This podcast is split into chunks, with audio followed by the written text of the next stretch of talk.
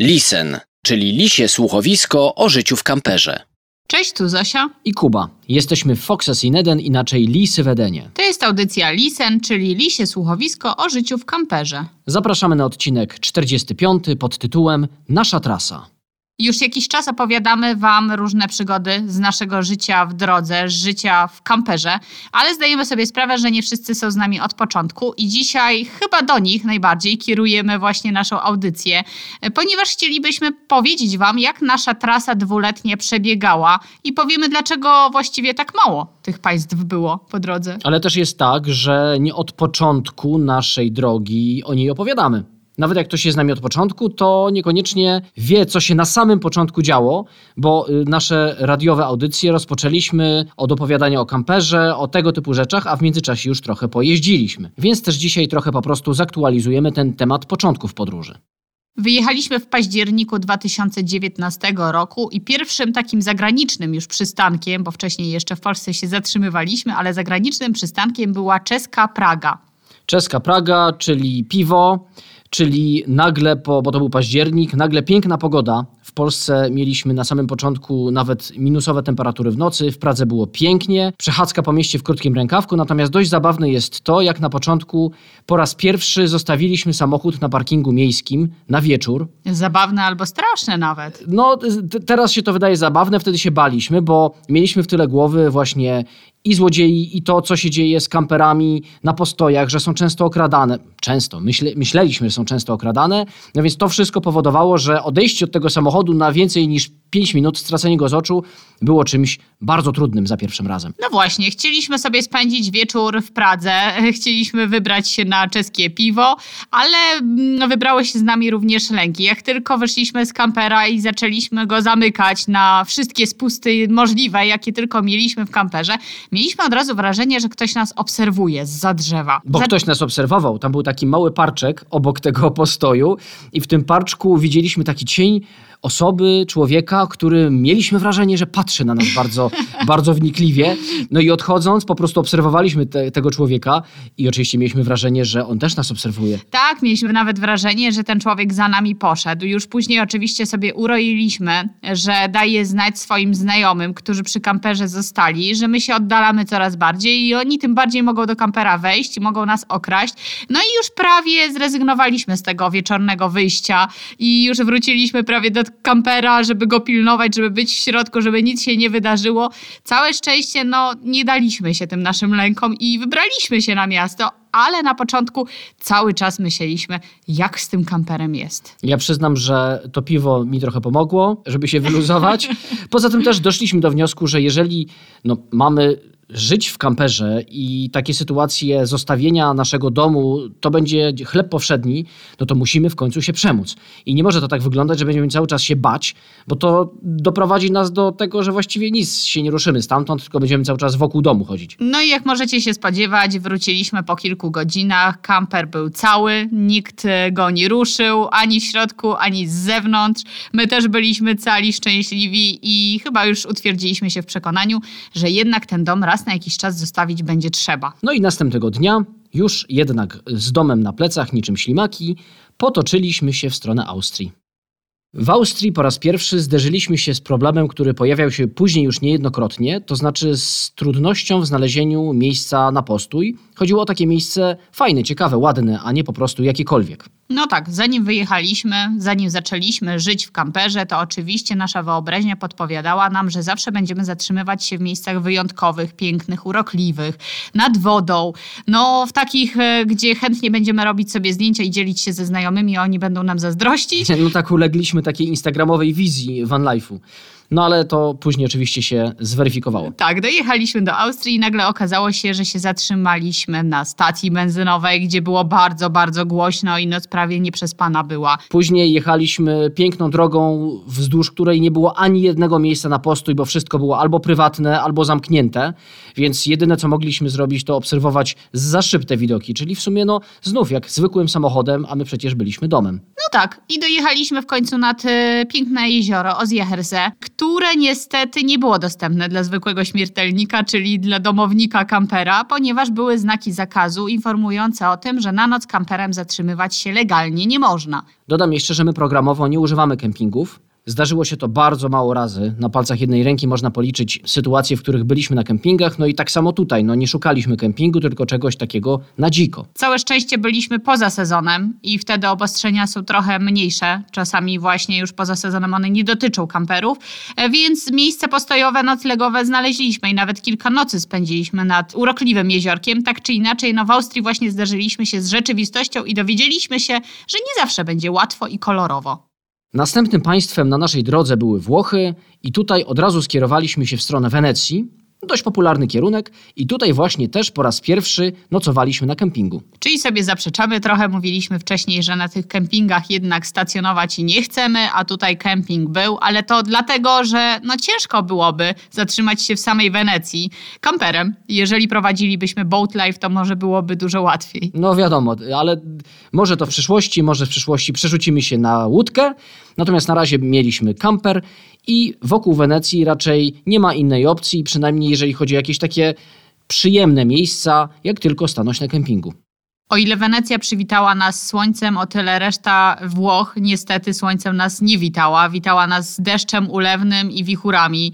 No niestety, była jesień, więc można było się tego spodziewać, aczkolwiek liczyliśmy jednak na lepszą pogodę i liczyliśmy też na to, że większą część Włoch zobaczymy. No, większą część północy Włoch chcieliśmy zwiedzić Toskanię. Wiele osób nam pisało, mówiło, że Toskania na jesieni jest fantastyczna, że jeszcze są w miarę ciepłe dni, że no, te kolory przyrody się zmieniają i jest to naprawdę malownicze miejsce. No dla nas to było miejsce, w którym malowane wszystko było deszczem i wodą. No niestety. No i tutaj oczywiście nastało kolejne zderzenie. Już tym razem nie z miejscówkami noclegowymi, a, a bardziej z problemami w wyszukiwaniu tych miejscówek. A niestety problemem był brak prądu. Już Wam kiedyś mówiliśmy o tym, że właśnie pierwszy kryzys, który mieliśmy w naszej drodze, nastał we Włoszech. Ponieważ my prąd czerpiemy głównie ze słońca, jeżeli chodzi o nasz akumulator domowy, no to brak słońca spowodował wtedy, że tego prądu nie było, aż w końcu nastał wieczór, kiedy nie mogliśmy nawet zapalić światła. Nie tylko my mieliśmy kryzys, bo kryzys też dopadł nasz samochód i to nie mówię właśnie tutaj o problemie tylko i wyłącznie z energią, ale problem mieliśmy również z hamulcami, które zaczęły piszczeć i nie wiedzieliśmy zupełnie co się dzieje i ile jeszcze będziemy mogli pojechać i czy w końcu nie okaże się, że nie możemy zahamować na przykład. Ponieważ hamulce są bardzo ważnym elementem samochodu, Musieliśmy pojechać do mechanika. To był kolejny moment, kiedy zastanawialiśmy się, czy w ogóle dojedziemy gdzieś dalej niż tylko te Włochy.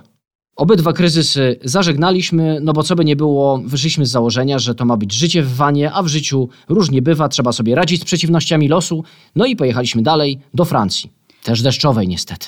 No niestety, Francja też nas przywitała deszczem i znowu dużą część Francji ominęliśmy, jeżeli mówimy tutaj o wybrzeżu, bo my już wybrzeżem się kierowaliśmy dalej w stronę Hiszpanii i myśleliśmy sobie, że na Lazurowym Wybrzeżu spędzimy trochę więcej czasu niż spędziliśmy. No musieliśmy je ominąć, ale dla mnie dużym zaskoczeniem było na przykład Cannes, które nie kojarzyło mi się z miejscem do odpoczynku. Raczej kojarzyło mi się z takim miejscem blichtru, no czerwony dywan oczywiście, a tam spędziliśmy 3-4 noce, 3-4 dni, nawet bardziej bym powiedziała, w słońcu, o dziwo. No i odpoczęliśmy tam w końcu po tych e, dziwnych deszczowych dniach. No tak, ja to wspominam jako moment wytchnienia po ulewnych deszczach. No więc to kan nas naładowało, mieliśmy prąd, hamulce działały, więc pojechaliśmy w stronę Hiszpanii, która nam w głowach jawiła się jako taki Eden, nomen omen, słoneczny i w końcu mieliśmy nadzieję, że nie będziemy musieli uciekać przed aurą. No i w końcu, tak jak mówisz, e, się wydarzyło dojechaliśmy do Hiszpanii i nagle okazało się, że świeci słońce, że możemy wchodzić do wody, że możemy z tej wody korzystać, że miejsca noclegowe, które wynajdujemy są cudowne, są takie jak właśnie sobie wymarzyliśmy, takie jak na Instagramie widzieliśmy wcześniej, zanim wyruszyliśmy w drogę. E, I co? I okazało się, że na takich miejscówkach spędzaliśmy naprawdę dużo czasu, bo na przykład mm, na jednej z miejscówek spędziliśmy 5 dni, później ruszyliśmy dalej jakieś 40 kilometrów i znów spędziliśmy trzy dni na kolejnej miejscówce i zaczęliśmy naprawdę powolnym tempem jechać dalej. Jak się spojrzy na mapę, to widać wyraźnie, że jadąc wybrzeżem hiszpańskim, bardzo szybko kierujemy się w stronę południową. Ona tak opada, można powiedzieć, z północy na południe i dzięki temu ta pogoda stawała się coraz lepsza. I tak jak powiedziałaś, mogliśmy wchodzić do morza, a po raz pierwszy weszliśmy do morza w miejscowości Empuriae. To był sam początek Hiszpanii. Zanim jeszcze wyjechaliśmy, naszym celem była Portugalia, tak naprawdę, i do niej goniliśmy. No dość wolno, ale goniliśmy, tak czy inaczej. E, aczkolwiek e, jeszcze stary rok, czyli 2019, pożegnaliśmy w Hiszpanii, w Alicante, i dopiero do Portugalii dotarliśmy w 2020 roku, a dokładnie 10 lutego. Pamiętam, że nawet y, nasi rodzice się śmiali, że chyba nie dotrzemy do tej Portugalii, jak tak dalej pójdzie. No ale oni też na początku nie bardzo wierzyli, że my będziemy tak długo jeździć. No, to prawda, to prawda. Ja pamiętam, jak twój tata kiedyś powiedział, że maksymalnie 600 kilometrów przejedziemy w ciągu roku tym kamperem. No a a propos tego, do tej pory przejechaliśmy 50 tysięcy kilometrów, mniej więcej. Nie tak wiele jak na dwa lata, ale to właśnie dlatego, że poruszamy się wolno. No i co z tą Portugalią? Dotarliśmy do Portugalii, no i celem było Porto, czyli mieliśmy wybrzeżem sobie od południa na północ pojechać i dojechać do tego Porto i później znowu zjeżdżając, mieliśmy tym razem zobaczyć Portugalię od tej drugiej strony, czyli nie od wybrzeża. No niestety plany nam zostały pokrzyżowane, ponieważ sytuacja na świecie się no dość e, szybko zmieniła. Wszyscy chyba dokładnie wiemy, jaka sytuacja w marcu nastała. Więc dotarliśmy do Lizbony właśnie na początku marca już było widać, co się święci, trzeba było chodzić w maseczkach. Dlatego też, jak okazało się, że mamy możliwość pracowania w drodze, to uznaliśmy, że warto jest to zrobić, bo nie wiadomo, co dalej się wydarzy z tą pandemią i wróciliśmy do Hiszpanii w rejony Veles Rubio, do Andaluzji. Już będąc w drodze, rozglądaliśmy się za pracą na zasadzie work and travel. Przyjeżdżamy na jakieś gospodarstwo, jesteśmy tam chwilę, dwa tygodnie, miesiąc, pracujemy, dorabiamy sobie do podróży i jedziemy dalej i być może za jakiś czas znowu znajdujemy podobne gospodarstwo w innym miejscu. No i trochę się udało, a trochę nie. Udało się w takim sensie, że pracę znaleźliśmy, ale nie udało się dalej pojechać, bo niestety, jak dotarliśmy do miejsca, w którym mieliśmy pracować, pozdrawiamy Paulinę i Bartka, którzy nam pracę zaoferowali w Hiszpanii, to okazało się, że dzień po przyjeździe do Veles Rubio wybuchła pandemia. Została ogłoszona pandemia i planowany przez nas miesiąc pracy zamienił się w trzy miesiące lockdownu. Tak naprawdę trafiliśmy do idealnego miejsca w tym nieidealnym czasie i trzy miesiące pracowaliśmy przy ekowiosce, a jak tylko te obostrzenia trochę poluzowano i można było przekraczać granice prowincji czy granice państw później, ruszyliśmy na północ Hiszpanii przez Galicję, Asturię i kraj Basków.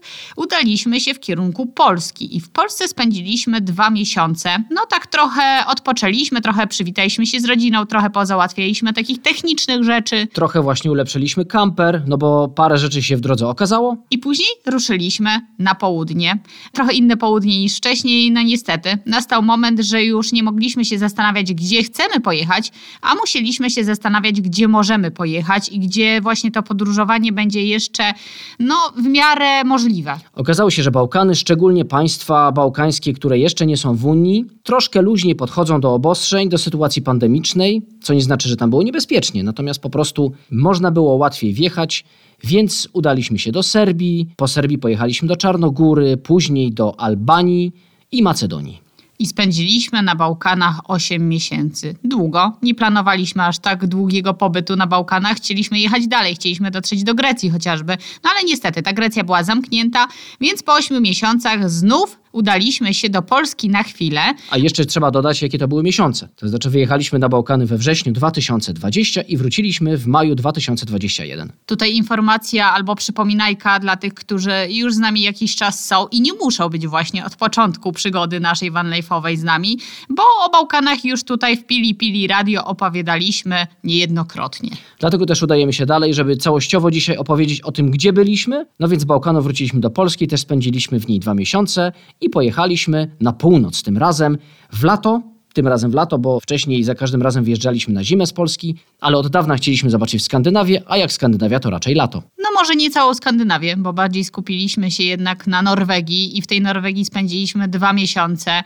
Letnie miesiące, ale niestety albo stety spędziliśmy te miesiące w kurtkach zimowych. Prawie 3 czwarte wyjazdu to były kurtki zimowe, wiatr, czasami też deszcze, ale nie poddaliśmy się. Mm, Koniec końców we wrześniu weszliśmy nawet do wody, bo nagle lato zawitało do Norwegii. Tak, to nie jest tak, że cała Norwegia jest zimna, chodzą tam niedźwiedzie polarne i jest minus 10 przez cały rok, tak jak niektórzy uważają. Na południu Norwegii lato jest zupełnie normalne, bywa i 30 parę stopni, także tam, jeżeli ktoś chce w lato pojechać, to na pewno może liczyć na plażowanie nawet. Tak czy inaczej, z Norwegii wróciliśmy na chwilę do Polski i ym, lada moment obchodziliśmy nasze drugie urodziny, drugie urodziny życia na pełen etat, jak to mówimy. I na świętowanie wybraliśmy się do Estonii. Ostatnio o tej Estonii Wam trochę opowiadaliśmy. No i po Estonii wróciliśmy znów na chwilę do Polski, żeby snuć plany na kierunek słoneczny. Znów na zimę chcemy pojechać na południe i mamy nadzieję, że tym razem uda nam się dotrzeć do Grecji. Oczywiście, jak już dotrzemy do tej Grecji, to będziemy Wam na bieżąco nadawać, opowiadać, jak tam jest, czy można na dziko, bezpiecznie sobie spać w tym kamperze, czy policja nas nie przegania, czy pogoda jest dobra, To, czy można właśnie wejść do wody w zimie? czy nie ma bezpańskich psów, czy są, bo my podróżujemy też z psiakiem naszym, z hippie i to jest dla nas akurat ważne, żeby było pod tym kątem również bezpiecznie. Opowiemy o jedzeniu, opowiemy o ludziach, no i tak jak zwykle poopowiadamy trochę o naszych przygodach. Niezapowiedzianych przygodach, więc teraz zapowiadamy, że takie przygody na pewno będą. Zapowiadamy przygody, ale nie wiemy jakie. Streszczenia naszego dwuletniego Żywota w drodze. koniec nastał. E, mam nadzieję, że nie koniec taki ostateczny, oczywiście, o czym wam już właśnie przed chwilą powiedzieliśmy. Nie, nie, poczekaj, ja nie mam nawet nadziei. Jestem pewny, że to nie jest koniec A, ostateczny. no dobra, no dobra. To No, tak czy inaczej tak. e, słyszymy się z wami za tydzień. Dzięki, że byliście z nami dzisiaj. Cześć, cześć! Dzięki i do usłyszenia. Cześć.